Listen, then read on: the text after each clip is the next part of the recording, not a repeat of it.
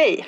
Jag heter Karin Pattersson och är kulturchef på Aftonbladet som har Skandinaviens största och ja, bästa kultursida. Varje vecka kommer dessutom mitt nyhetsbrev där jag skriver personligt om veckan som gick och gör ett urval ur veckans bästa texter och poddar. Både hos oss på Aftonbladet Kultur och på andra ställen.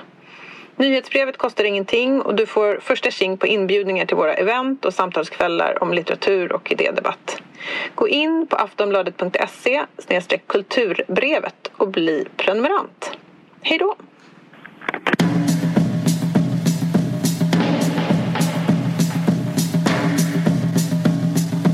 Vad ska du prata om idag, Caroline? Jag tänkte prata om en serie som heter Deposant, alltså Ring min agent, en fransk serie. Och så tänkte jag prata om min kärlek till mat. Trevliga mm. ämnen. Mm. Vad ska du prata om? Ska du börja? Uh, ja, men det kan jag göra. Jag har läst en bok av uh, den här litteraturprofessorn Sven Anders Johansson som har skrivit en bok som heter Litteraturens slut. Har han skrivit en ja. liten bok som heter nu. Ja. Den, uh, den handlar om så här tillståndet för litteraturen. Bla, bla, mm. bla. Jag känner att jag är, jätte, jag är jätte, jätte ointresserad av det ämnet kände jag eller växande under tiden jag läste. Att jag bryr mig verkligen inte. Alltså, kan jag inte förklara det? Men, bryr du dig om litteraturen tar slut? Uh, alltså, jag, jag det spelar inte någon också. som helst roll. Alltså, jag menar ämnet, frågan. Uh, Spelade det någon uh, roll?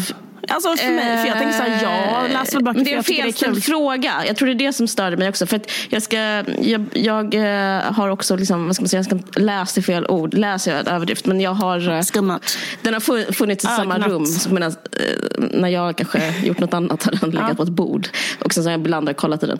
Det står i alla fall i början. Men han kan men, men det är klart att det inte kommer alltid finnas. För att någon gång kommer en komet att träffa jordklotet förmodligen. Alltså, eller solen slocknar. Jag tycker inte det var så konstigt. För att allting måste ju uppfinnas någon gång. Jag tänkte på typ så här, plogen och hjulet. Alltså, det fanns ju inte innan, men det har ju, betyder inte att det ska ta slut på alltså, Bra motargument, fan. Bra. plogen finns.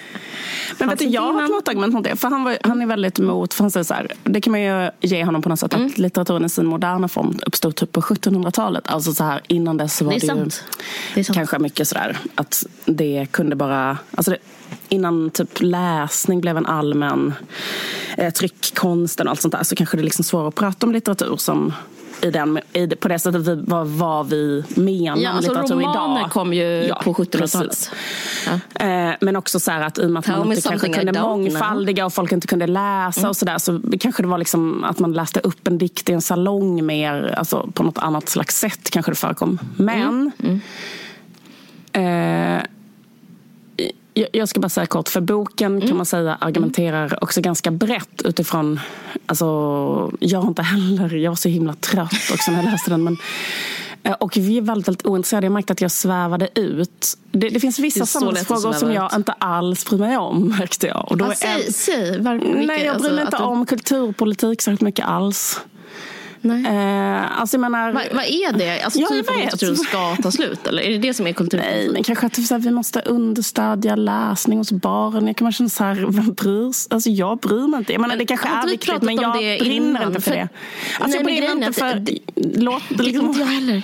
inte jag heller. Men det är ju en chimär. Det här med att, jag tror jag sagt det någon gång i den här podden, jag står fast vid den åsikten. Att prata om läsning för barn att använda liksom kultursidometer ja. är ju ja. bara ett sätt att skryta på. För man, man kan inte prata om det utan att nämna hur, hur mycket man läste som barn. Alltså det är bara liksom, det är en sån självreflexiv debatt som handlar om liksom en kontaktannonsgenre. Eh, ja, men... typ så här. Läs nu, för det gjorde jag. Kolla mig. Men jag tycker det är konstigt eh, att det kommer från människor som själva läst otroligt mycket som barn. Mm, men vet du, vad? Uh. vet du vad? Det fanns en massa Nej. barn som inte läste så mycket och de lever helt normala liv och är jättelyckliga. De kanske istället lagade mat och sen blev de en stjärnkock. Alltså fattar du? Mm. Jag bara menar att... Men ska säga en, jag måste säga en sak om det här. Jag måste säga det. För att jag läste jättemycket som barn.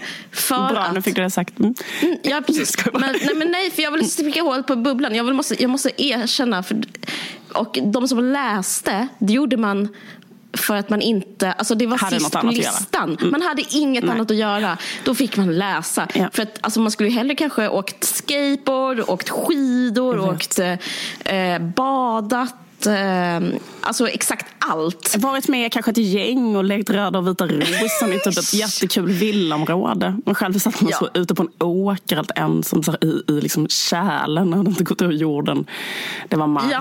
Jag vet inte. Man satt och ja, bläddrade igenom jag... för hundrade gången samma liksom, eh, liksom, vad heter det, upplaga av liksom, Ann på Grönkulla. Eller något som man hade i bokhyllan. Typ. Ja, eller något ännu värre. Ja. Liksom. Ja, nej men precis. Och det var liksom ens liv eh, tills absolut. man blev fri och rik nog att, att liksom åka därifrån. Precis. Men en sak som han har, då, men då är det som så att det är ett case han har då liksom är att litteraturen försvinner på grund av sån slags teknisk utveckling. Så man kan säga att ett, ett, ett, ett spår är det. Och det handlar väl om att så här, barn läser inte idag och det beror på att de kollar på TikTok typ. Och det stämmer väl 100 procent. Alltså jag menar, så är det väl säkert. Mm. Att, eh, alltså, sen så har han ju blivit eh, det var en jätteaggressiv artikel mot honom i DN där någon forskare skrev att han hade använt statistik fel i den här boken. Och det verkar som att eh, läsningen minskar tydligen inte alls. Nej men fattar du menar? Alltså det, bokförsäljningen minskar inte alls. Bokförsäljningen men jag tänkte precis säga det. Det stod i svenskan också att eh, eh litteraturen mår jättebra. Som, ja. ja. eller att folk, eh, ungdomar läser mer facklitteratur. Kanske inte så mycket skönlitteratur. Och de pluggar mycket mer. Alltså, i och med att, det är också så här, hur mycket ska en 11-åring läsa? Först läsa alla sina sina läxor. Sen så slår sig ner med Nils Holgersson. Alltså jag vet inte. alltså hur mycket kan man begära av en och samma 11-åring? Jag fattar inte. Nej men alltså grejen är så att, att han, han är jättemot ljudböcker. Och sen typ så att den utvecklingen då att det kanske blir, alltså han är emot att det blir mer digitalt och så. Även Rich Boy som precis har kommit ut inläst av Liv Mjönes. förlåt. Nej, men, ja, förlåt. Ähm, Fortsätt. Men eh, det kan man väl kanske förstå. Men apropå det där äh, som, det jag tänkte när jag läste det var liksom att mm. just att han säger själv så här, litteraturen i den formen den är idag uppstod på 1700-talet. Och det fanns ju, för han är så här, det, vi är på väg mot att gå över till en 100% liksom oral och bildkultur. Mm. Eh, och liksom, eh, jag vet inte vad han liksom grundar det på. Så. Men om vi ponerar att han har rätt i det. Alltså säg att det blir så om eh, hundra år. Att man mm. inte har mm. det skrivna ordet längre utan man bara har oral, alltså typ att man mm. berättar saker. Jag måste ändå säga att det är en genre på uppgång kan jag ju säga ändå att folk så berättar saker i en video är ju en ny genre på något sätt. Att folk så här, berättar en Absolut. åsikt eh, eller en spaning. En podd är väl också det på något sätt. Att man liksom att den orala kulturen har fått en form av uppsving. Men då skulle jag vilja säga det här. Eh, du vet, okej, okay, nu ska jag säga mitt bästa motargument. Mm. Antikens Grekland. Mm. Antikens Grekland var en oral kultur. Alltså fattar du vad jag menar? De skrev, mm. alltså Sokrates skrev inte ner någonting. Um, därför att han gick bara runt och pratade med folk. Och alltså mm. alla de sakerna de filosoferna kom på, kom de på med en oral kultur. Jag bara menar att det, det finns ingen, um, det är inte självklart så här att uh, till exempel verkshöjden i tänkandet sjunker för att något är en oral kultur. Alltså det är... Nej. Och sen så kan det ju existera fram, samtidigt ja. som det har gjort hittills. Men får jag säga mitt bästa argument mm. för det här, som ja. jag använder på allt. För att jag kom, jag kom på det, eller vad man ska säga, när jag gick på DI, alltså Stockholms dramatiska högskola så hade vi, eh, det var 2010. Mm. Då var det jävla... Kan, tänk dig den här stämningen. Det, du går på DI som är en sån här eh, skola för film och tv och radio. Mm. Och sen kommer internet. Alltså ja. stort. Ja. Hur mår, hur mår DI då? Nej, nej, nej. nej men de svettades. Alltså ja. det, jag har aldrig sett en liksom, skola, konst eller högskola svettas på det sättet DI svettades nej. 2010 av internet. Så det var ju så många föreläsningar om vad som skulle hända med internet och berättandet ja. nu när internet kom. Ja. Eh, det ska ju försvinna såklart. Ja, ja, eller det var som så här, det, var, det kom massa coacher dit kommer jag ihåg som, så var så här, som berättade hur vi skulle göra för att det ändra så här, för filmen skulle gå i, um, på webben istället och hur man skulle, hur man skulle ändra sin um, typ så här, ni kan tänka på att ni kan göra kortare grejer, ni kan tänka på att ni kan göra ja, men jag vet inte. Nej, men att man skulle liksom anpassa sig efter ja, det här nya ja, liksom, tidevarvet och nya mediet. Och då minns jag att jag bara tänkte så här Förlåt att den här eh, historien har, har, eh, har punchlinen att jag var så smart. Men i alla fall, jag minns att jag tänkte så här, men gud. Eh, det som kommer hända är ju exakt ingenting. Alltså internet är exakt som allting. An, liksom framtiden är ju det finns liksom ingen framtid. Alltså för att de pratar om någonting okänt som hela tiden skulle hända. Men det var liksom som att det de pratade om, det hände ju aldrig. Alltså de sa ju att liksom allting skulle ersättas av internet. Mm. Och det förstod man liksom redan då. För att det var bara ett med, alltså, ja. Det viktigaste, och det här är så, så sentimentalt av mig, men det viktigaste är ju liksom det är varken orala eller liksom eh, bokstäverna utan det viktigaste är liksom att någon har något att säga. Mm. Ja, den personen kanske ristar, liksom, ristar in det liksom på en sten men de, den personen kommer säga det ändå. Så det är liksom bara Det är som att man så, går från själva grunden i berättande och liksom blir besatt av eh, eh, mediet. Mm. Men, och sen, eh, att, att, det var så ja. konstigt, liksom, bara för att det kom ett nytt sätt, så här, internet då, ja. att det kanske ja. blev så stort på Youtube, att folk kanske kunde lägga upp en egen video och få liksom extremt många följare. Ja, men filmen försvann ju inte. Det var snacket om att filmen det skulle försvinna. Ja, men, exakt, men det betyder ju inte att folk inte också sen när de har tittat på den Youtube-videon vill titta på ett fett avsnitt av Game of Thrones som har kostat liksom en miljon att göra. Och där det Nej, finns, eh, tvärtom. Eh, det är det jag menar, exakt. Alltså, för då är det ju så här, det kan ju man inte göra själv på Youtube. Alltså, och sen så, Nej, men folk man kan inte göra Bridgerton. Nej men exakt, precis.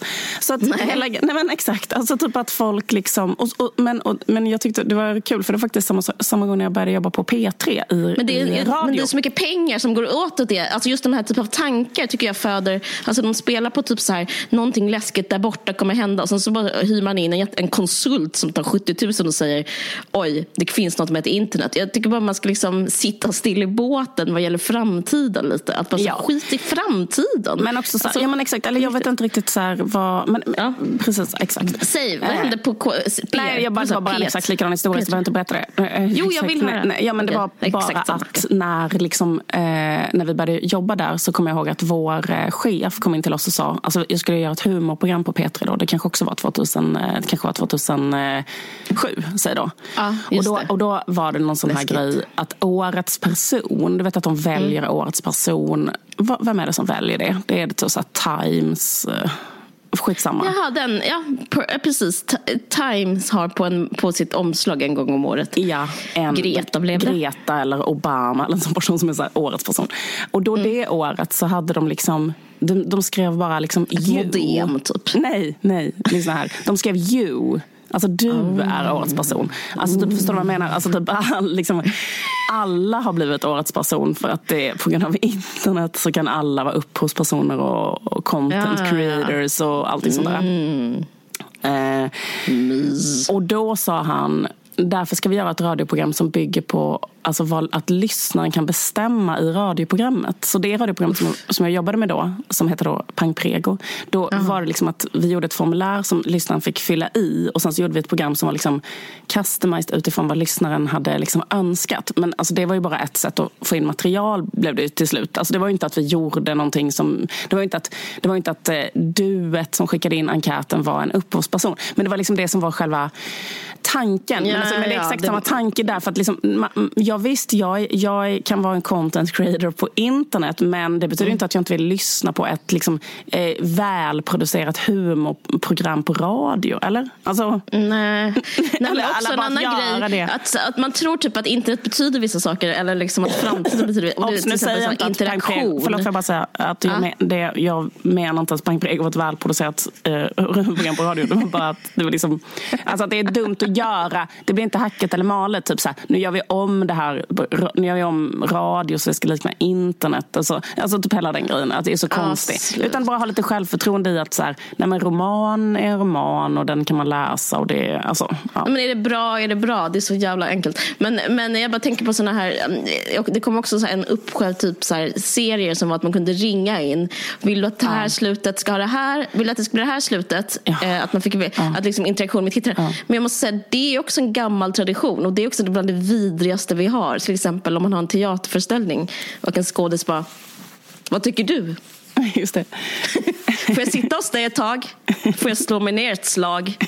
Får komma upp på scen? Alltså det är fruktansvärt. Det här är och de an- För jag har ja, precis skrivit en bok där det finns ett sånt där okay. slut. Okay. Men det är jättekul. Ja, men, eh, men det är roligt. Nej men absolut. ja, jag tar tillbaka jag menar Nej, nej, ta inte tillbaka det. Det är jättekul. Det är ett jätteprovocerande slut. Det är det mest provocerande i hela boken.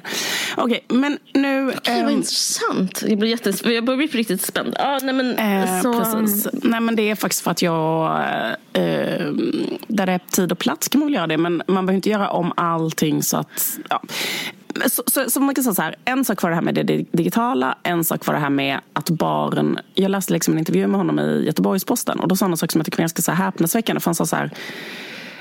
Um, liksom vad man kan göra eh, för att det här ska liksom vända. Och då sa han så här, möjligen kan skolan prioriterar litteraturen i högre grad.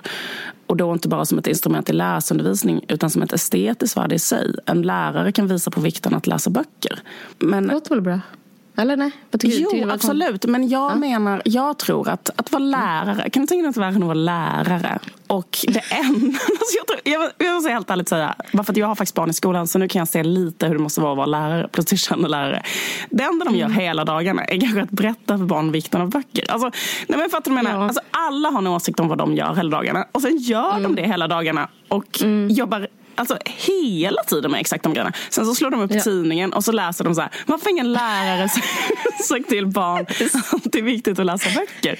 Jag bara, liksom, mm, men alltså de, hemskt, ja. jag vet jag inte. Jag får ett mejl i veckan som handlar om att idag är det lä, nu är det lästema, nu är det läslov, nu är det läsvecka. Mm, varje, de har ett skolbibliotek, de har en liksom, bibliotekarie, de går en gång i veckan alltid och läser en bok. De börjar varje dag med att sitta och läsa tyst i en halvtimme. Sen har de såna här bok samtal där de sitter i en ring och berättar för varandra när de är sju år gamla.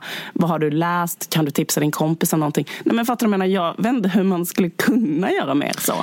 Nej, men, alltså, men jag tror verkligen detta att det är min begränsade insikt, jag, men jag tror inte att... Ja. Liksom, men mm. jag fattar inte riktigt, vad menar de att, liksom, att det inte sker i skolan idag att man uppmuntrar läsning? Det tror jag är alltså, ett flagrant sakfel. Jag tror verkligen det. Mm, jag tror du är rätt.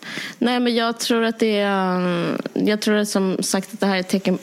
Om man tänker att det är en skolklass alltså, så är det väl en person eller två personer som är intresserade av läsning. Då kommer de läsa och så känns det som att så har det alltid varit. Men tyvärr är det, det de personerna som sen skriver sådana här grejer i tidningen. Så då blir det som en sån jättekonstig stämning att det är ett problem. Men alltså alla andra bara går till jobbet och har det bra. Eller jag vet inte. Nej, vänta. Det... Går till jobbet och håller uppe hela samhället. Alltså går till jobbet och gör... Alltså går till jobbet och är de som gör att allting fucking fungerar i det här samhället. Alltså ja, typ så när du slänger något i soptunnan så är den soptunnan tom nästa dag. Varför är den det? Det är inte för att någon har läst en roman. Fattar du vad jag menar? Precis. Det, det är liksom... menar, eh, men, sen, men det är också citer. Citerade Keats, eh, citerade bort soporna, citerade bort av Keats. Nej, men jag menar att Nej, våra, yrken, våra yrken eh, bygger på skatter. Alltså de, de eh, finansieras ja. av intäkter för att andra människor gör de eh, jobben som är mer akut viktiga. Och det är inget, eh, alltså jag menar så är det. Det är bara så här, det, låt inte komma ut för mycket bara. Och liksom, men det blir konstigt när vi ska fortsätta sitta och säga så här, varför kan inte hundra procent vara såna vet du, bokmalare med glasögon? Man bara, men då hade samhället gått då, hade Nej, vi liksom, vet... då hade vi suttit liksom i ett men Det är konstig stämning. Alltså, det är så nördarnas hade... revansch. Vi måste, vi måste chilla med att vi har fått vårt. Vi har fått de här sidorna.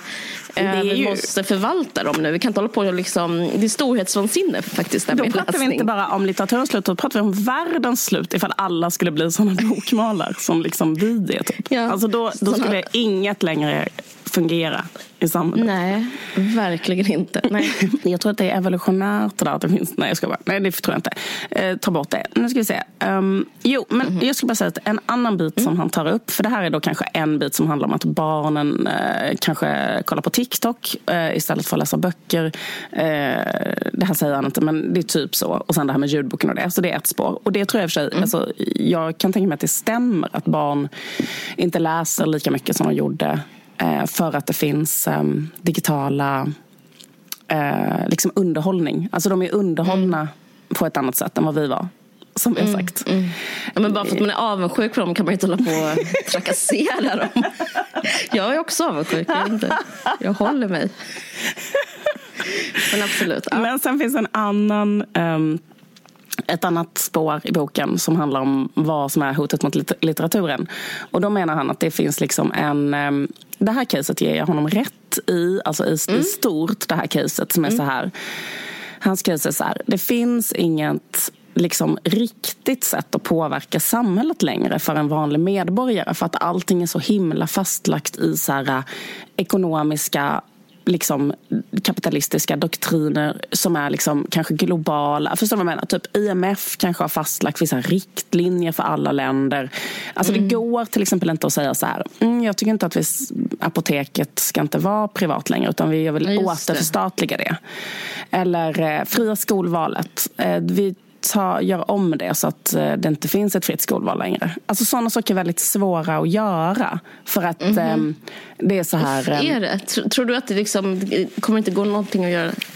Apropå det med fria skolval, det, det, kommer inte lösa sig? Eller det, liksom det man står i alla fall mot otroligt mäktiga ja. fiender som kanske är så ja. mäktiga så att man backar. För att till exempel det där med en sån sak som att om man skulle återförstatliga grejer. Det gjorde man ju ja. i Venezuela till exempel.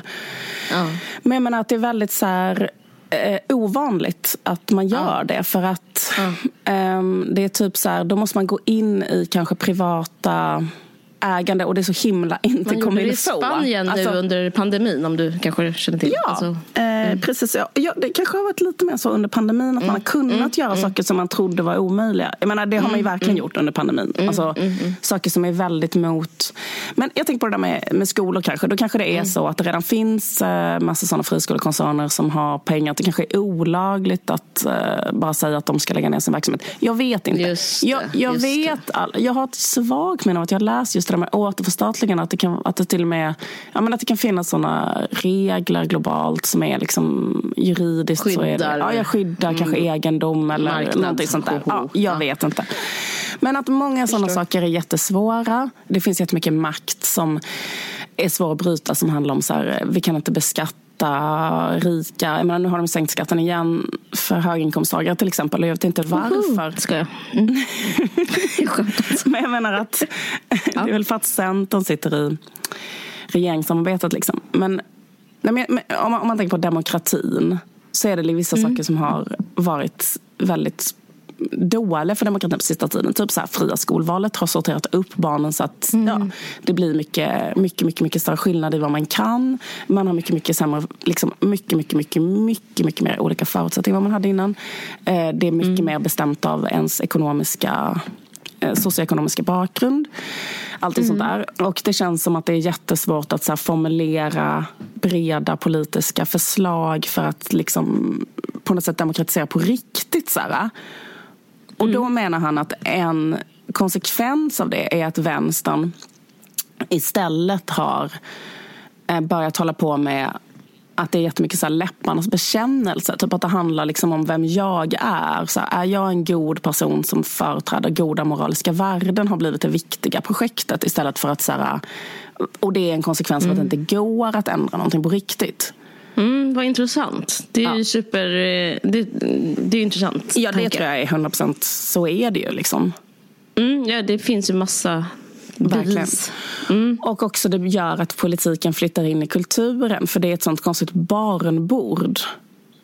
Där mm. liksom ingen egentligen... Hur då menar du? Ja men typ att, att så här, eh, egentligen så kanske man borde diskutera politiska frågor eh, liksom i ett politiskt, eh, en politisk sammanslutning och göra det, ja, det så här. Kanske en, eh, liksom, fattar du vad jag menar? Men då istället så kanske man gör det i en diktform, en diktsamling kanske. Något sånt där.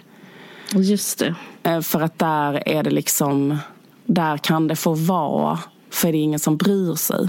Typ så. Just det. Och det, kanske... Men, och det får också en jättenegativ effekt på...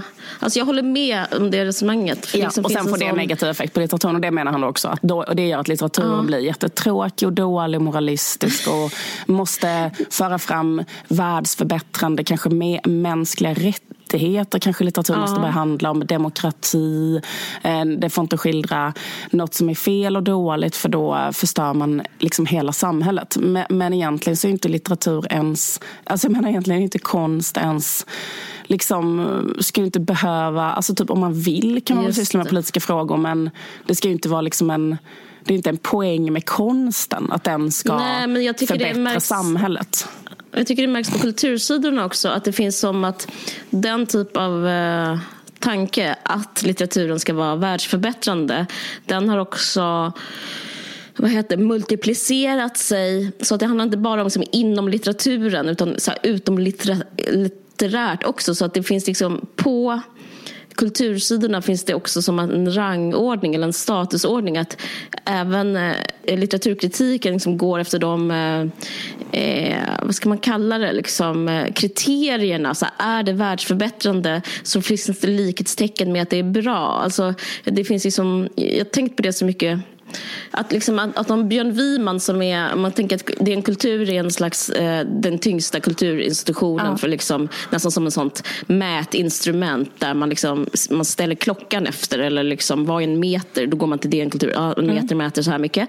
Så liksom att, och, och högsta hönset där, Björn Wiman, att det han gör på senaste tiden, de senaste åren faktiskt, så har han, hans krönikor handlat väldigt mycket om eh, dels skidåkning på vintern.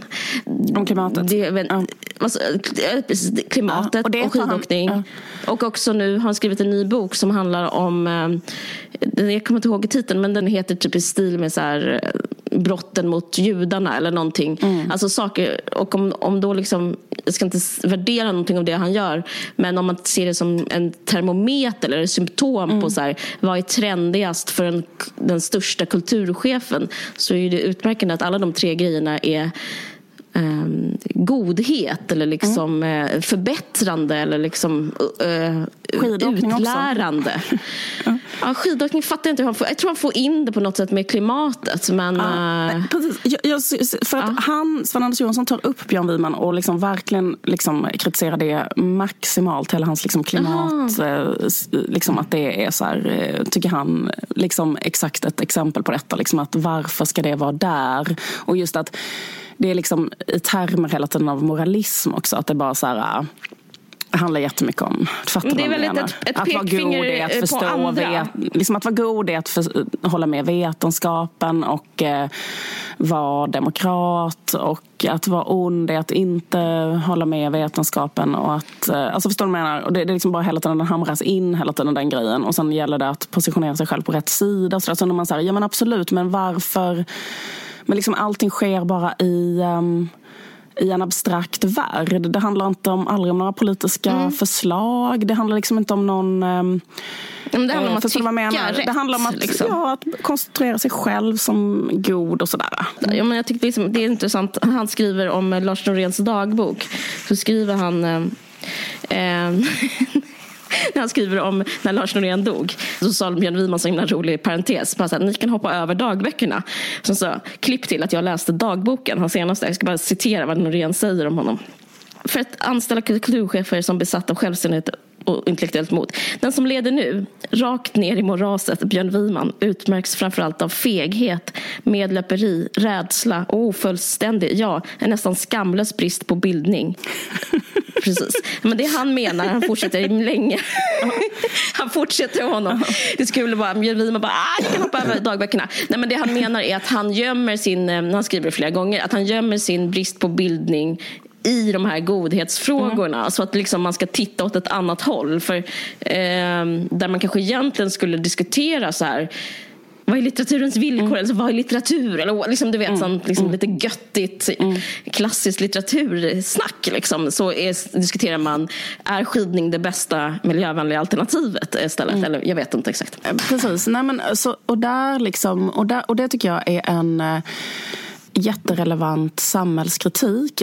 Eh, jag ska, för sig, jag, ska, jag ska återkomma till det snart men jag tänkte också att eh, en sak som jag nästan tycker har blivit, eller som jag tycker är ännu värre, som har blivit ännu mer så, det är nästan att den här eh, värderingsgrejen att man inte sysslar med politik utan bara med moralism, att det också har eh, spridit mm. sig till politiker. Så att liksom politiker som ju sitter i politiken också bara pratar om... Eh, jag, tänkte på det för jag blev så jävla chockad när jag lyssnade. Jag måste spela upp det för dig.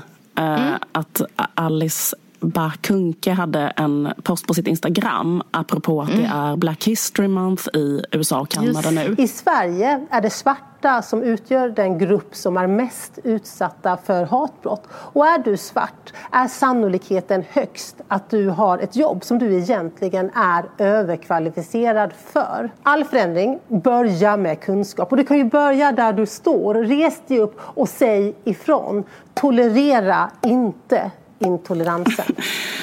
Man baxnar. Man baxnar. Nej, men jag menar bara att så här, Nej, men hon börjar med att säga så här. Det vanligaste som eh, svarta är den grupp som är utsatt mest för hatbrott. Och sen att de är den gruppen som mest har ett jobb som de inte är alltså som de har överkvalificerat för sitt jobb. Och sen så så här, all, och då blir man så här, men du sitter ju i Bryssel. Du är ju liksom en av Sveriges absolut mäktigaste personer. Och då är det så här, vad ska du göra då? Då säger hon nästa sak så här. Eh, all förändring börjar med kunskap. Och sen så, så här, res dig upp. Och då vet man inte vem pratar om. Pratar med svar, om till svarta människor i Sverige då. Eh, och, och säg ifrån. Säg ifrån. Säg ifrån, Caroline. Säg ifrån. Och tolerera inte intoleransen. Tolerera det inte bara. Alltså, ska man... Alltså hon lägger... Oh, nej, det är helt ja. sinnessjukt. Och man bara, men, men du, du är liksom... det är ditt fel att det är så. Förlåt, det är ditt ansvar. Du styr, du är ju folkvald. Men vad menar hon? Menar hon att hon har gått över till någon überlibertarian hållning? Att liksom ja. var och ens eget ansvar att resa sig och, och välja bort hatbrott? Eller jag fattar ja. inte. Eller menar hon att det inte är politiskt? Nej, men alltså, ifall det är så, då är det ju eh, liksom en, vad ska man säga, ett eh, jättesinnessjukt underbetyg. Hon har suttit i regering nu i, det är ju andra mm. mandatperioden. Vad har hänt? Vad har hänt med de här hatbrotten? Ja. Vad tror du menar? Och sen tycker jag också att det var så jävla tydligt att de sakerna hon tog upp när det gäller mm. diskriminering är sådana saker mm. som handlar om, alltså för att så här, alltså, mm. vad, vad, ska man säga, hela grunden för diskriminering, hela mm. grogrunden för diskriminering handlar om att man har olika makt från början. Mm. Liksom, mm. Annars kan inte diskriminering ske överhuvudtaget. Alltså, så här, det är ingen som bryr sig om jag är rasistisk mot norrmän och drar vits om dem. Fattar du vad jag menar? För det, de har så mycket pengar och olja. Alltså så här, diskriminering mm. bygger på att de här människorna har ingenting. Eller mycket, mycket, mm. mycket, mycket mindre. Det är det som är hela Alltså, mm. Det är därför en arbetsgivare kan välja bort och sådär. Men varför mm. finns det då? Och då, är det, då handlar det om politiska förslag för att förändra det. Det handlar inte om att någon ska sitta och grunna själv.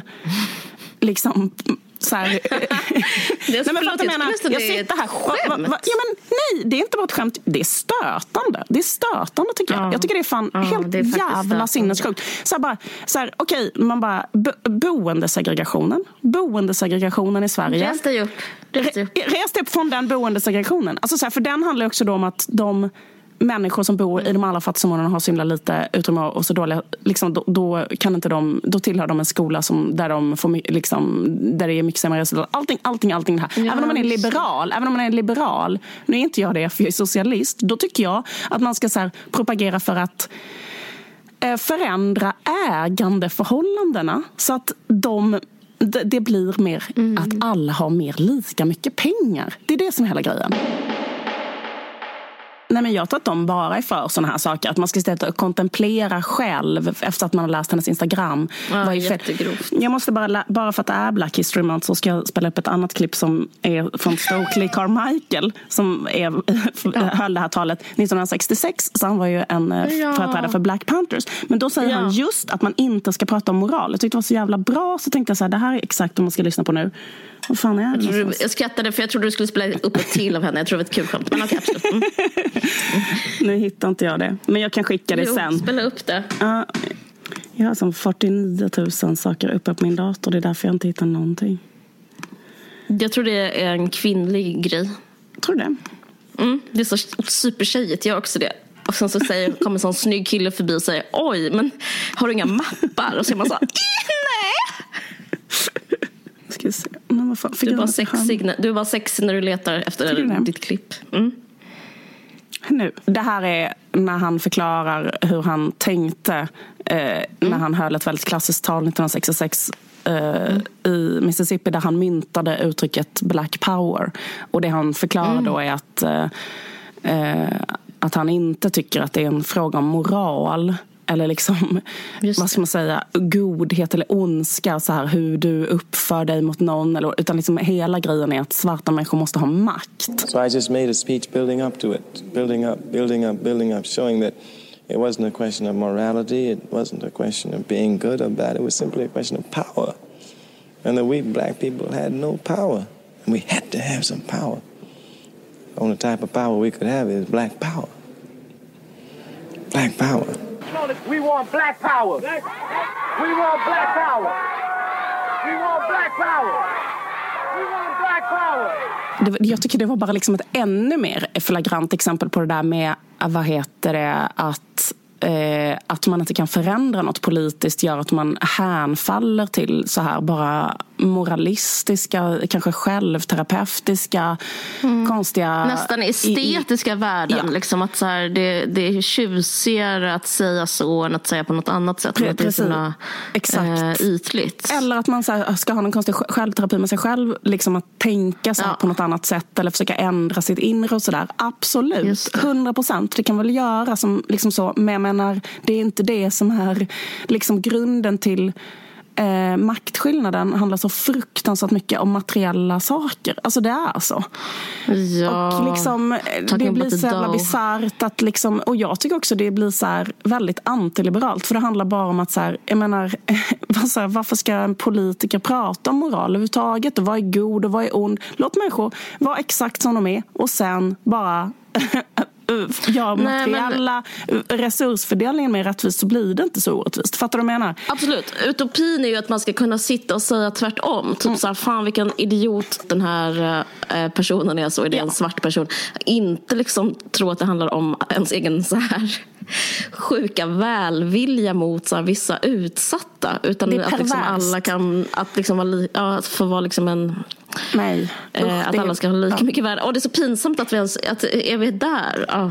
Nej men inte värde heller, utan lika mycket pengar, lika mycket makt. Bara lika mycket pengar och lika mycket makt. Ja, det räcker. Och sen såklart det. lika inför lagen. Men så är det väl nu. Så var det ju inte på hans tid, när han höll det här, så var det ju inte att de var lika för lagen. Så det var ju ytterligare en grej. Då, då hade man ju ja. de här eh, liksom, eh, juridiska olikheterna. Men grejen är att för att mm, återgå till det med Anders Johansson så menar han mm. då i sin andra del av varför han tror att litteraturen är slut. Det är liksom då att han menar att så här, moralen har flyttat in i litteraturen så litteraturen måste vara mor moralistisk och att den ska vara uppbygglig, att den ska värna demokrati, mänskliga rättigheter, godhet i allmänhet. Och då menar han också på att liksom ett problem är typ att man har så här värdegrunder kanske i skolan och sånt som liksom ska pr promota de här grejerna. Och en annan grej är liksom att, mm, vad ska man säga, den politiska författaren blir en slags identitet som handlar om ett um, Eh, så, och, men, men, men jag måste säga Eh, mm. liksom, även om man kan säga visst absolut, eh, visst har det varit så lite grann. Eh, men, och, och, på ett visst sätt kanske är så. Och att det kan vara en liksom, fara för litteraturen. För han menar att det hotar de estetiska värdena då. Att så mm. här, mm. Jag ska visa, läsa ett citat som jag tyckte var ganska bra. Som var så här, um, när han, när han skiljer då på en estetisk läsning av ett verk och en etisk läsning som han menar på mm. är så här att eh, eh, alla förstår kanske vad en etisk läsning är. Alltså att man läser en bok och eh, funderar på eh, lärde den här boken mig någonting uppbyggligt eller alltså för ska man säga, bekräftade den här boken en allmän moral som gör att jag känner mig stärkt. Men då skriver han så här, en estetisk läsning däremot, en estetisk erfarenhet är en, en inte planlagd. Eh, den drabbar en. Läsaren öppnar sig, tappar kontrollen, blir, blir annorlunda. Kommer visserligen ut på andra sidan men i bästa fall eller att Vänta, förlåt, jag måste läsa om. Kommer visserligen ut på andra sidan men i bästa fall efter att för ett ögonblick ha förlorat sig själv. Mm. Och eh, till skillnad från detta så menar han en etisk eller politisk grundad läsning implicerar en läsare som redan vet och som baserat mm. på detta vetande tar ställning. Problemet med denna läsart är att litteraturen egentligen inte tillför något mer än att bekräfta en viss ideologi eller moral. Absolut, Så, det blir liksom också ja. självreflexivt att man är bra som tycker om det som står där för att man själv är bra. det, verkligen, ja. verkligen. Och det tycker jag man kan känna jättemycket om man har umgått mycket med väldigt så politiska människor eller varit väldigt politisk själv också. Så här, att just att man att, att att man tar till sig kultur bara på det sättet. Liksom, att man tar bara till sig kultur på det sättet att man, liksom, man har ett facit vad som är rätt och fel. Och sen så när man mm. läser något så är man så här, mm. du checkade av de här boxarna mm. men den här, den här tv-serien checkade inte av de här boxarna och därför var den inte så bra. Eh, alltså förstår du vad jag menar? Att, det liksom, att mm. allting bara... Mm, jag förstår, om någon förstår vad jag menar. För jag fick den kritiken med amningsrummet mycket att det, var, det hade varit bättre om det handlade om fattiga. Mm. Det är för att man ehm. har den här då vad ska man säga, etiska. Att man menar att värdegrund... Ja. Vi ska inte göra det bättre för fattiga politiskt genom att beskatta Nej. de rika. För just nu har vi sänkt skatten för de rika. Men vi ska istället tvinga dig att göra amningsrummet om fattiga på SVT. Mm. Och där, Dialogen är jättebra, storyn är jättebra. Men oh, fuck! Att det inte kunde handla om fattiga. Det är så vi, det är där, för där kan man bedriva politik. Alltså, det går Nej, att Det är bättre med fattiga. Det är bättre att prata om fattiga än att prata om rika. Ja, och där för det finns liksom en, en till, ordning. Ja, och där har man en möjlighet till förändring. För någon skulle kunna psyka ut dig till att skriva en serie om fattiga. Men man kan inte mm. eh, vad heter det, skriva ett lag. En ny, liksom, jag menar, man kan inte ändra skattelagen så att rika kan betala mm, mer skatt i Sverige. Utan, ja. liksom, för, det, för det är liksom en politisk omöjlighet på grund av de här liksom otroligt fasta ramarna. Och sen så, fast det går att hålla på med den här konstiga pseudodiskussionen när man psykar ur konstnärer. Ja, men de kan ju försöka. Nej men på riktigt, försök. Försök psyka ut mig. Men, så här, men allt det här finns och, och det stämmer. Ja. Men jag ska bara säga som en sista grej. Mm. För att jag, jag tycker mm. att man kan hålla med om äh, de där invändningarna som han har. Och han menar att det är ett hot mot litteraturen för att litteraturen blir så himla dålig och tråkig av detta. Liksom. Och det, absolut. Men jag måste säga att min känsla 100% är att den här vad ska man säga, moralistiska, värdegrunds etiska så här, är totalt på väg ut. Alltså att det är liksom bara... Alltså det, just nu är det status quo på vissa ställen. Och det mm -hmm. är tecknet på att det är på väg ut. För att när det har nått eh, liksom, de platserna, det är då det verkligen är på väg att dö. Alltså det finns ju inte en subkult, det finns inte en cool ungdomskultur på det sättet längre alls. Det finns liksom mm. inte, förstår du vad jag menar? En ny generation. Alltså jag, bara, jag känner folk som undervisar på så här konstnärliga utbildningar till exempel. Och som berättar så att för fem år sedan, så det enda för alla liksom gjorde och skrev om så var bara så olika PK-ämnen och bla bla bla. bla. Men nu för tiden så är det ingen som ens tänker eller pratar på, om sådana ämnen som är 20. Typ. Och detta, alltså, mm. Det här är mm. också anekdotisk bevisföring. Men jag har liksom hört från så många som också har barn som är typ 20 och sådär. Eller, eller, folk som liksom, typ så här, säger så här, på en konstnärlig utbildning så diskuterade de bara mm. sådana frågor. Så här, uh, ja men kanske väldigt så här då, uh, vad ska man säga, typ uh, um, inkludering, hur konst kan förändra samhället, bla bla bla. bla, bla ja. liksom hela, så här. Men att det estetiskt, för det brukar alltid vara så pendel mellan etisk och estetisk i ja. litteratur. Ja. På 70-talet så var det så här, allting skulle vara etiskt. Men jag fattar vad du menar. Sen blev det på 80-talet ja, estetiskt. Jag, jag sen, ja, precis. Sen på 90-talet uh, så var det fortfarande estetiskt, hela, allting liksom. Sen 2000-talet blev det etiskt och nu mm. svänger det igen. Så nu är det estetiskt igen. Så säger jag 100 procent. Alltså allting Jippi, som är coolt. Va, vad sa du? Jippi. Ja, precis. Och också mm. så här, dels allting som är coolt och dels allting mm. som är liksom, också allting som är verkligen är stort och bra är ju estetiskt får man ändå säga. Alltså förstår du mm. vad jag menar? De författarskapen vi har haft under de här åren. Vi tittar på den, den största författaren vi haft i Norden, eh, Knausgård till exempel. Har ju inte någonting av liksom ett etiskt i sitt författarskap. Och, Nej, inte ett smack. Eh, och, det, och det trots att han har bott i Sverige eh, de senaste liksom 15 åren när hela den här saken pikade. Och det har inte hindrat honom alls från att utvecklas. Alltså det jag menar är liksom att jag tror inte att en riktigt bra författare ens en gång påverkas av det där. Titta här, för nu, han säger så här, ja men okej, att det finns en värdegrund som föreskriver en viss sak förstör litteraturen. Man bara, men alla bra författare mm. som finns kommer från Ryssland. Ryssland mm. har aldrig haft demokrati. Ryssland har aldrig, alltså fattar du vad jag menar? Eller jag menar mm. en, en uh, pseudodemokrati, mm. jag menar mm. några år. Men det är liksom så här Jag Fast menar, det som påverkas är vad som anses under... bra. Alltså, jag tycker ändå han har en poäng. Liksom, för att det finns ju, det blir ju som en ordning och liksom en status och en... Mm. Alltså, Knausgård... Eh, blev ju eh, bashad för att han var till exempel en vit alltså, man. Och sånt. Kommer du inte ja. ihåg jo. hur det var snacket om Knausgård? Kommer jo, du inte ihåg det kommer jag ihåg. Men att Ebba Witt-Brattström tjatade? Kommer du inte ihåg att eh, Marie, eh, vem det var, Sveland. Mm. Alltså, det, det, det, var ju liksom en så... Att den, jag menar inte att det var totalitär, men det, att vi hade den typ av diskussion om den typ av verk tycker jag var liksom... Ja, det var barockt, liksom, för, det var, för det är för bra för att hålla på och snacka om på det viset. Men det fanns ju ändå liksom ett intresse för den typ av diskussion. Och sen skrev han ju den här om cyklopernas bla bla bla och sånt där. Alltså, ja, ja, ja.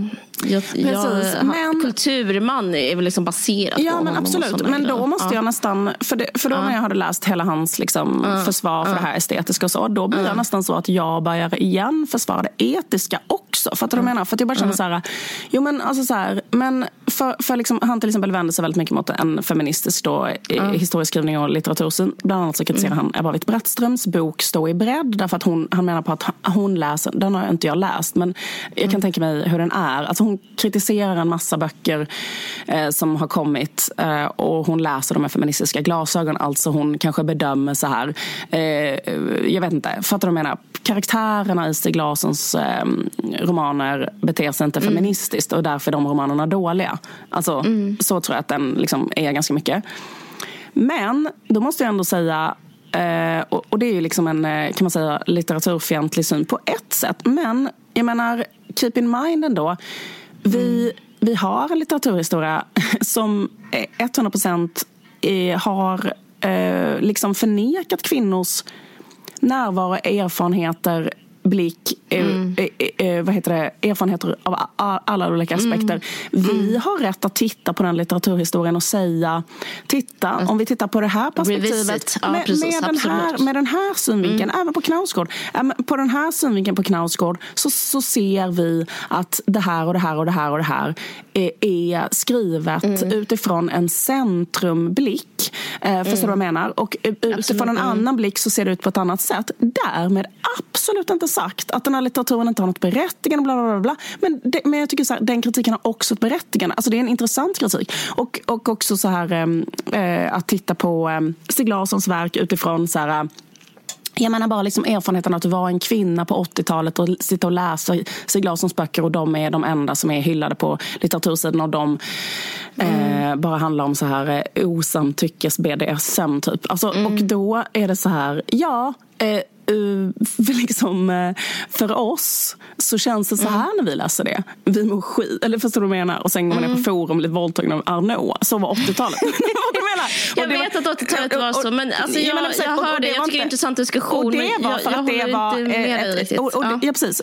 Och det måste jag säga också berodde på att det var ett estetiskt årtionde. Där man mm. inte skulle bry sig om sådana saker. Utan det var så här, mm. uh, ja vi har ingen moral. Utan det, allting, liksom, det ska, liksom, moralism är fel. Att ha någonting så, så Men grejen är så här, så, så, det, så, så, så, att jag menar, jag tycker att så här, man... Ehm, för, för jag blir nästan så här, och sen blir jag också så här, hmm, den estetiska uh, upplevelsen, absolut. Men jag menar, mm. som, som uh, det finns ju också otroligt mycket litteratur som det kanske bara är jag, men jag tycker ju om politisk propagandalitteratur till exempel. Alltså, mm. jag, menar, jag tycker att mycket av sådana verk är bra.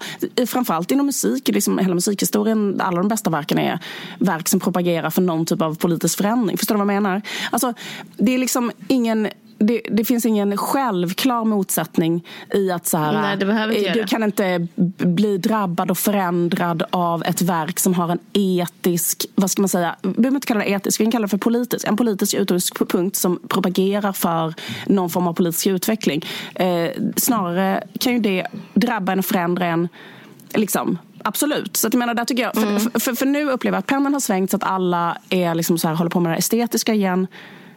Och då känner jag nästan för att svänga tillbaka. Så mm, jag hör dig. Det är intressant. Jag ska bara säga en sak så inte jag framstår som jag ogod. Nej men, nej, men det jag menar med... Alltså, jag, jag tycker diskussionen ofta hamnar på fel, fel plats. Alltså, jag tycker att så här, diskussionen borde handla mycket mer om vem som upphöjer och vem som liksom, Alltså vem som ger bifall och avslag. Så det här är mm. bra, det här är dåligt. För att jag tycker att eh, Stig La Knausgård och Stig Larsson, alltså Stig Larssons Autisterna, det var som min förebild när jag skrev min eh, den och Lars Noréns dagbok var min förebild när jag skrev min första bok. Och jag, jag tror att jag kanske tillhör lite en annan falang då än dig vad, vad det gäller liksom feminism. För att det jag tänker som jag känner kvinnoförtrycket i uh, diskussionen som Ebba Witt till exempel eh, kör med.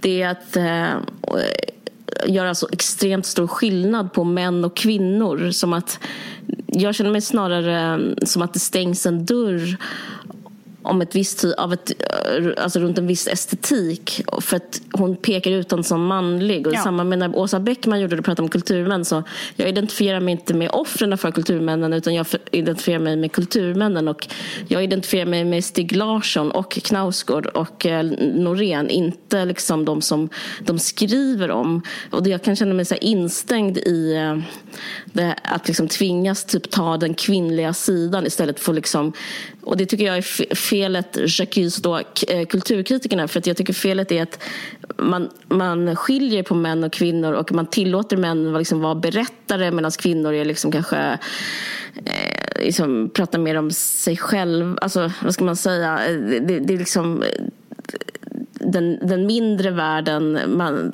istället för att liksom man tror att det här handlar liksom om henne och om det är en man så tror man att det här handlar om världen. Och jag, jag känner att jag alltid känt mig förtryckt av det. Jag vill fråga alltid min förläggare, jag ska komma ut med en bok nu eh, om jag får göra med pseudonym. För att jag vet att jag blir bedömd annorlunda på grund av eh mitt kön. Och jag vet att eh, det Ebba Witt säger hjälper inte mig, utan tvärtom. Mm. Hon skiljer för mycket på mig och Knausgård. När jag är på Knaus... Jag är Knausgård. Ja, men alltså, precis. Absolut. Och, jag är inte Knausgård. Ingen behöver mejla och tro att... Jag vet, jag tycker inte jag alls är bra. Jag bara menar Nej, att men, min eh, identifikation, i, när jag läser böckerna så upplever jag mig inte som ett offer utan jag upplever mig som ett jag. Och jag och andra kvinnor är också Stig Larsson men eh, vi blir behandlade ofta som att vi är eh, en tjej med ett skinn på näsan. När jag bara, håll käften, jag är poet. Liksom. Jag vet inte. Så det är liksom, eh, jag tycker det är kategorierna man och kvinna eller liksom kulturman och resten av världen är destruktiva.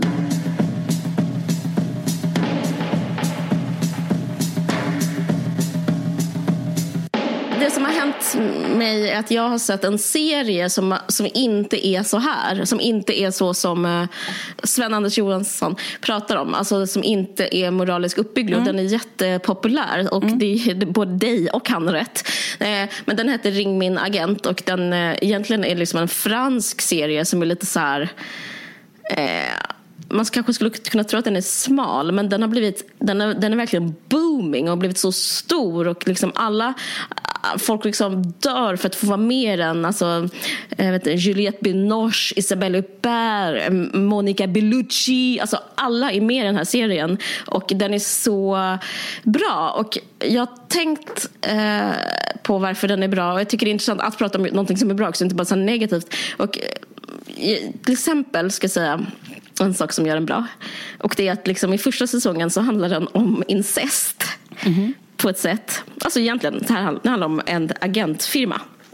Mm. En agentur för skådisar. Eh, så ring min agent. Den heter Diposant, alltså ta 10% av ett skådisgage. Så det är en underbar skådespelarvärld. Man är inne i liksom ja. filmvärlden bakom kulisserna. Men eh, alltså, första säsongen eh, handlar liksom en av du vet man har så A, B, C-bågar så, här, så är typ B-bågen är liksom en, en fadäs som liksom ett missförstånd som, som eh, råkar vara att liksom, det, har ut, det har hänt en incest av misstag. Liksom. Mm -hmm. uh, och grejen är, det var efter jag såg det som, alltså det är inte knull, det är inte penetrerande, mm -hmm. det är inte omslutande sex Nej. som det är det nya ordet för penetrerande. Men, utan det är bara liksom kanske vad heter det där andra? Kel. Förlåt, ja. jag vet inte vad det heter. Petting. Uh, ja, ja. Kanske, jag vet inte ens om det är det. Men typ i alla fall lite kyss och klapp. Hur som helst. Mellan, uh, uh, alltså icke, att de visste inte att de var släkt? De visste inte att de var släkt, ja. men de så här, hade, höll på och blev kära mm. helt enkelt. Mm. två ungdomar. Och, Som egentligen var syskon? Är, precis. Ja. Och så grejen är, det, det är vanligt. Hur det, ja, men hur det görs i den här serien versus... Alltså förlåt, jag måste bara säga att det är vanligt eh, när man inte har träffat varandra. Det är ett, det är ett fenomen. Alltså det finns ett psykologiskt fenomen som är ett syskon som aldrig har sett. När de ses är det vanligt att de blir kära i varandra. Förlåt. Skitsamma. Okej, okay, ja. Mm. Mm. ja, men då är det ännu bättre. Nej, men, mm. nej, men, eh, nej, men hur det görs här versus hur det hade gjort i Sverige. Jag kunde liksom inte tänk, sluta tänka på, för liksom man mäter, nu har vi pratat mycket om litteratur, men jag är ju väldigt inne i den här eh, dramavärlden, så här film och tv-världen och, och det är liksom samma mått där. Att liksom att man måste alltid förkasta det som är fel. Och det var så extremt... Eh, jag bara tänker på hur kan den här serien ha den här otroliga framgången? Men jag tror att det är just för att den inte förkastar det som är fel utan bara visar att fel, fel händer. Och eh, inte heller liksom på ett mörkt sätt utan bara liksom och det tror jag är extremt svårt som kreatör. Att ha liksom ett problem som är kanske då incest. Mm. Men att liksom inte att våga att inte ta ställning mot. Liksom att man kan ju berätta mm. saker på så många olika sätt. Men att liksom inte gå ner i mörkret i incesten. Utan mm. kanske till och med så här. Eh, lite som du säger, men det är jättevanligt. Eller så här, mm. hej och hå, det bara hände. Och, mm. eh, det skulle, det, det, it wouldn't be done i Sverige. Alltså det skulle Alltså, vi, vi, vi, kommer aldrig se det. Vi kommer aldrig se ett gött incest. Eh, liksom, eh, Men det känns ju nej. Frankrike, äkta French privilege. Alltså det enda Frankrike håller på med är så att typ att ja, men, men, ett oproblematiserat råkar de vara bäst på film också? Ja, men alltså, de är också, men det är klart. De är också bäst på bäst. kultur, bäst på, ja. absolut. Men bäst på mat. Ja. De är bäst. Ja. Ja, ett lätt penseldrag målar upp en scen som innehåller incest. Vad händer sen? Nästa sak hände sen. Det var väl inget med det. Nej. Så de går vidare. Och den här serien är så underbar. Och jag måste säga, eh, varför också en annan sak som den är underbar för att det handlar också om, Sverige versus Frankrike. För i, Sverige så har vi en så väldigt så stark ungdomskultur. Jag, jag orkar inte gå in på varför, jag kan gå in på snabbt varför. Jag tror att det beror på att vi har inte så mycket stark annan kultur. Men när ungdomskulturen kom så liksom, okej, okay, var den ung kultur vi fick. Så det finns en så här, nästan kult kring att vara ung här. Det är sant. Och när man går, Gud vad kul. Ja, ja. Jätte... Och när man går ut så är det som alla är unga.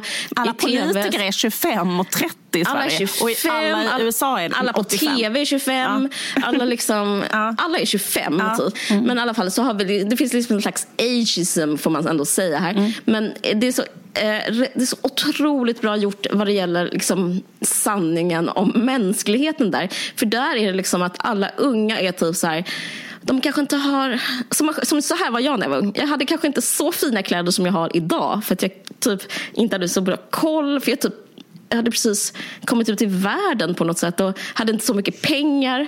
Så mm. ungdomarna har liksom kanske så lite eh, så blå, mellanblå jeans och typ eh, en ryggsäck. Så, liksom, så ser man ut när man är 22. Medan mm. kanske 37-åringarna har typ en sån otrolig kostym. Ja, ah, så att liksom, det är så otroligt attraktivt att vara 37 ja, och uppåt. Ja. Och och liksom, ungdomarna de har liksom inte, de har ju så emotionell omognad.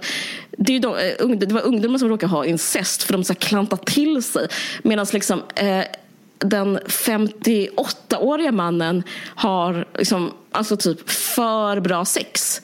Alltså det är där actionen händer. Att vara kanske så här, ja, att vara 52 det finns liksom inget bättre att vara mm. typ en 52-årig kvinna och kanske en våning. Det är hon som spelar Emily in Paris chef. Hon spelar eh, huvudpersonens fru. Och det är hon jag pratar om. Alltså hon typ går omkring i typ ett par jättesnygga jeans, en jättesnygg blus och typ så osar sex och inreder liksom det finaste du någonsin sett. Och så är det, samtidigt så är det en ung kvinna som heter Camille som är 22. Hon går omkring där i en sån mellangrön hoodie, tittar med jättekonstiga ögon, gör fel, inte rik, bor fult, kan inte få en kille. Mm. Alltså, lite som, som en sån Ex sanning om ungdomar. Ja.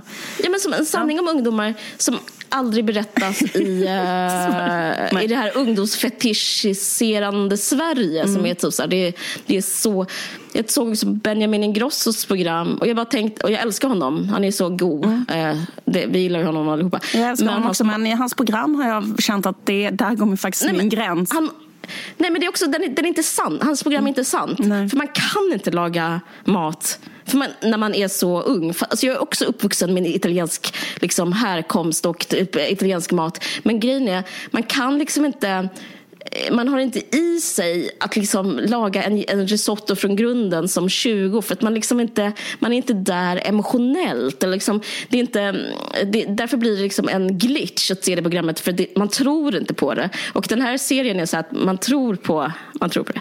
Och jag har bott i Frankrike ett år och det är verkligen så. När man går ut där så sitter typ en, en gråhårig slack, snackar med en typ, äh, jättevacker äh, annan gråhårig. Och så, typ, mm. så dricker de ett glas vin. Nej, men alltså, det är bara liksom... titta på Macron och hans fru. Eller jag menar alla. Ja, alltså, så är det liksom i Frankrike. Men, medan vi bara har... Ja, ja nej, men det är verkligen... Ja, det, mm. Det känns det som modiga val. Eh, det kanske låter liksom rätt så, så här, traditionellt på ett sätt. För det är, men det är liksom modiga val att liksom bara berätta hur saker egentligen är. Typ så, egentligen är ju också att vuxna och gamla har sex. Det har mm. de ju. Mm. Men liksom, det berättar man ju aldrig om Jag vet TV inte. Men okej, ja. Jo, men det är så. Det är så. ja, men okej, men till vilken ålder har man det? Förlåt, jag bara man har, Nej, men det finns ju preventivmedel på ålderdomshem.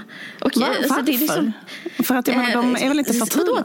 Vad sa du? Nej, men det är könssjukdomar. Ja, just det. Just det, just det. Folk knullar som galningar. Jag tror typ eh, i min ålder man inte knullar så mycket. Alltså, eller förlåt, jag kanske ska klippa bort det. Nej, men jag tänker typ småbarnsåren och sånt där kanske man inte lägger med varandra så mycket. Men innan och efter tror jag man ligger med varandra jättemycket. Eh, men vad skulle jag säga? Nej, men det är intressant också för det, det handlar liksom, hela serien handlar om att bryta barriärer för olika grejer. Ändå är den väldigt så här, traditionellt berättad. Alltså, men, såg du den den här hypade serien Succession?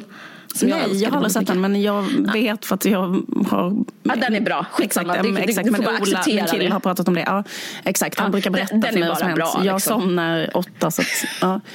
Nej men okej, okay, men den är bra. Men den hade också det här som, som någonting som Sveriges liksom aldrig skulle ha, som är så här genreöverskridande. För att det är svårt att säga så här, är Succession ett drama? Är det en komedi? Är det en romantisk komedi? Mm, mm. Är det ett buskis? Mm. Men så är den här också. Alltså, eller är det en, så här, är det en deckare? För vissa saker är så här, åh nej, ska de hinna skriva på kontraktet? Och Isabelle Huppert, hur ska hon göra två filmer? Alltså så där är det hela mm. tiden.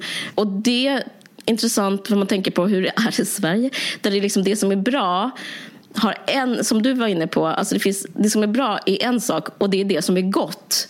Så därför är alltid liksom, det som är mest dokumentärt som är så här, det som påminner mest om typ ett dramatiserad Uppdrag granskning. Det är mm. alltid det som folk tycker är bra här. Uh, men där skulle det verkligen vara så här, gäsp. Men jag vågar inte säga vad jag tycker om saker som jag tittar på på tv för att jag är helt chockad chockad för att det är så dåligt så att jag, alltså jag kan inte ens prata om det. För sen så träffar jag mina mm. kompisar och så säger de att det är bra. Och så är jag så här, vad menar du? För jag kan inte titta på det för att jag mår så dåligt psykiskt av att titta på något som är så dåligt så att jag kan inte leva. Alltså typ, Gud, intressant. Ja. Till exempel den tunna blå linjen eller något sånt där. Jag bara, vad menar ni? Men det är skitsamma. Det var bara det jag skulle säga. Det, är väl ett tips, ett vanligt tips från mig. Eh, 10%. Um, men, eh, och ett annat tips jag har är Mästerkocken. Men det, vi kan ta det mm. nästa gång. Men, men, det ja. men gud vad roligt Caroline. Kan du inte säga kort det du skulle säga om mat? För annars så livas härning här. Jaha, nej men jag vet inte. Nej, men jag har blivit besatt av Tom Sjöstedt. Mm. Uh, det har smugit sig på. Det, han är köksmästare och chef, äh, chef förlåt, anglicism, uh, kock på lill, restaurang Lilla Ego som är Sveriges bästa restaurang. Och han är också nydomare, mästerkocken. Han har tagit över efter Lallerstedt, eller vad han heter. Vad heter han? Mm. Lallerstedt. Um, och uh, han är typ, jag, och jag försöker analysera mig själv. Jag vet inte varför jag tycker det är bra, men jag tror det har någonting med Lars Norén att göra. För att det är liksom, han har blivit liksom min nya besatthet. Alltså jag ja. tänker på honom. Jag, jag googlar honom. Jag vet inte om jag vågar säga allting, men jag vet mycket om honom redan. Och jag har Eh, jag, jag, alltså han är så otroligt, eh, alltså det är typ vår tids största konstnär. Men förlåt, men han är det. Och han är, liksom, han är så skör och intellektuell och har liksom helt så fräscha, självständiga tankar om mat.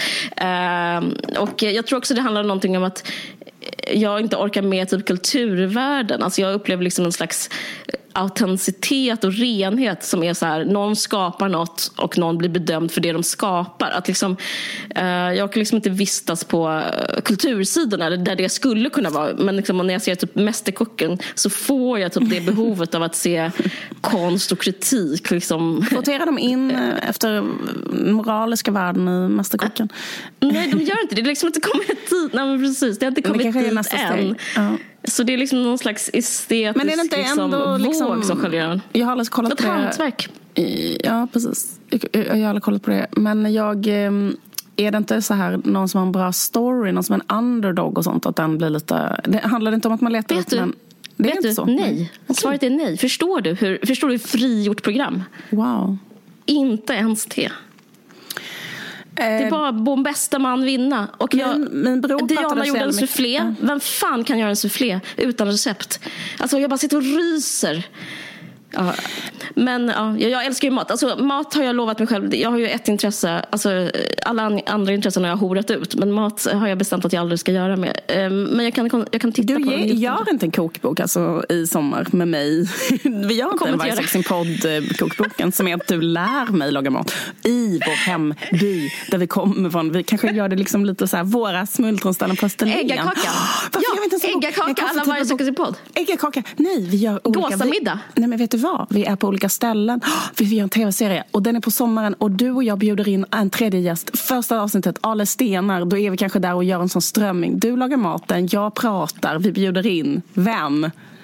Fattar du vad jag menar? Ja, ja jag fattar, fattar exakt. Jag fattar exakt. Ja, okay. Nästa steg. Vi sitter upp uppe på Dösen i Haväng och eh, kanske laga typ, någonting men vilken typ på av, hällen. Är det, Claes, är det Claes Östergren, typ, för han bor ju i Kivik, eller är det typ... Det, är det jag, mer typ så här, jag känner att det blev blankt direkt när jag funderar på vem fan är det vi ska bjuda in. Är det liksom... Är det hon Ann Lundberg, eller liksom vilken typ av... alltså det är skånska kändisar. Ja, ja skånska kändisar. Det skulle kunna vara. Fast fi, det finns det alltså, Österlen... Uh, vi kanske Ulf Lundell? Ja, men, Nej, men inte bara dra du, ut Ulf Lundell? Det hade varit det sjukaste. Om han var med och han spelar en låt på slutet. Och, jag ju... Ja, han spelar en låt. Mm. Medan jag, jag håller på med grytorna. Ja. Och, du, och, du, och du sitter med ett glas vin och tittar på honom när han spelar en låt. Ja. Det är tv.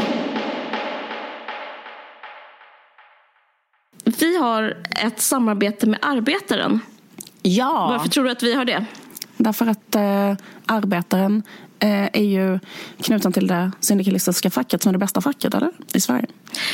Och man kanske är sugen på underifrånvinklar eller klassmedvetenhet i reportage. Alltså istället bara ja. för... Ja. Eh, och det roliga är att tidningen fyller faktiskt 100 år. Och den har, eh, det här vet inte så många om arbetare, men den har saftig historia. 1922 eh, så var den här sexualupplysaren som du säkert känner till, Elise Ottesen Jensen. Mm. Hon, alltså hon, hon, som sen, du vet, som startade RFSU och, startade, och den här tidningen Åttar är uppkallad efter henne och allting där. Hon var eh, redaktör för tvin, kv, tidningens kvinnosida. Och Där det också Moa Martinsson skrev, tror jag. Ja, men mm. det är så många. Men det är så, jag ryser. Alltså, hon började skriva under pseudonymen Ottar här och under andra världskriget när det var förbjudet för media att kritisera Nazityskland var arbetaren en av de absolut starkaste antinazistiska pressrösterna och fick eh, hela upplagan beslagtagen 40 gånger. Romantiskt så. Mm, alltså, arbetaren är så real. Alltså jag är så glad. Tack alltså för att vi eh, får eh, för att vi har ett samarbete med er. Vi vill liksom verkligen att ni, våra lyssnare, läser Arbetaren. Eh, liksom, det här är vibben på Arbetaren, så det är bara läs på.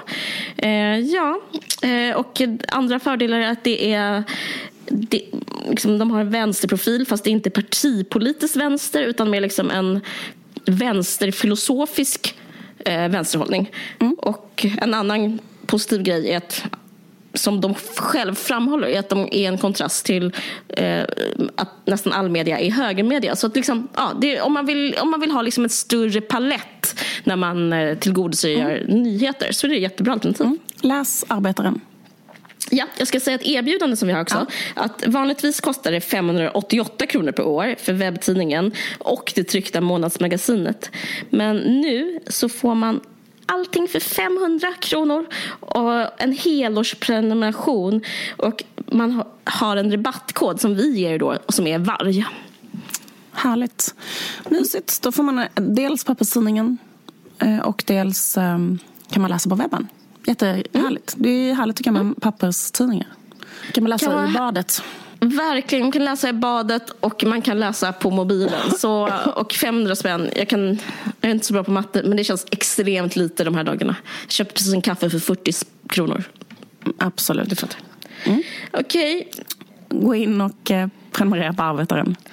Mm. Hälsa um, från oss genom att skriva varg.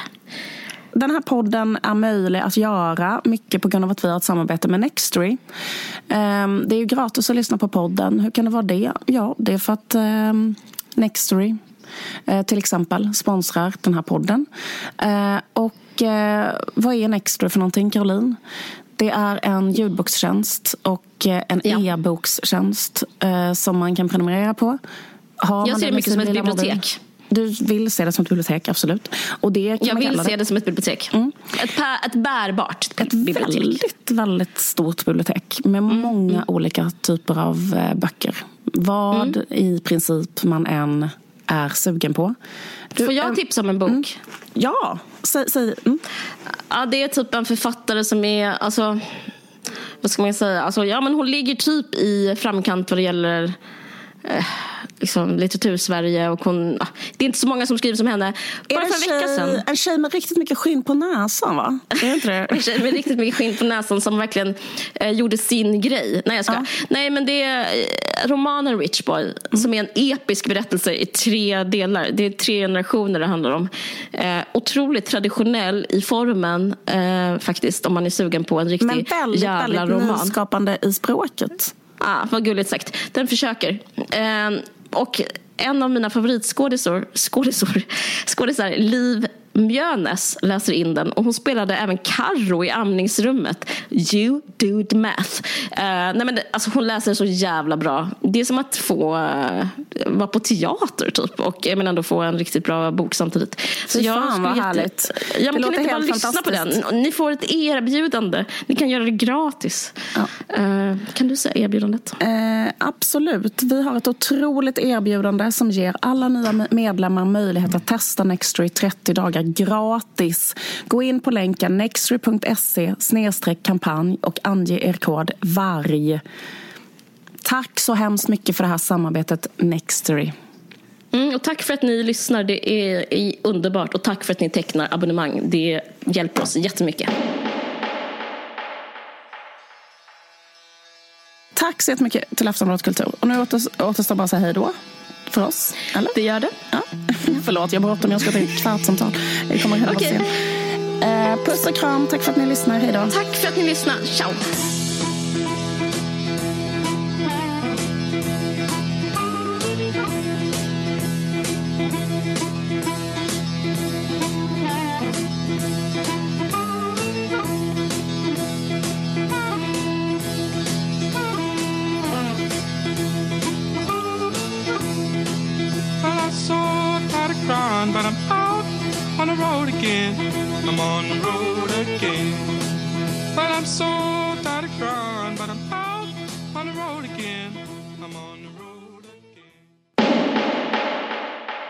Har lyssnat på en podcast från Aftonbladet. Ansvarig utgivare är Lena K Samuelsson.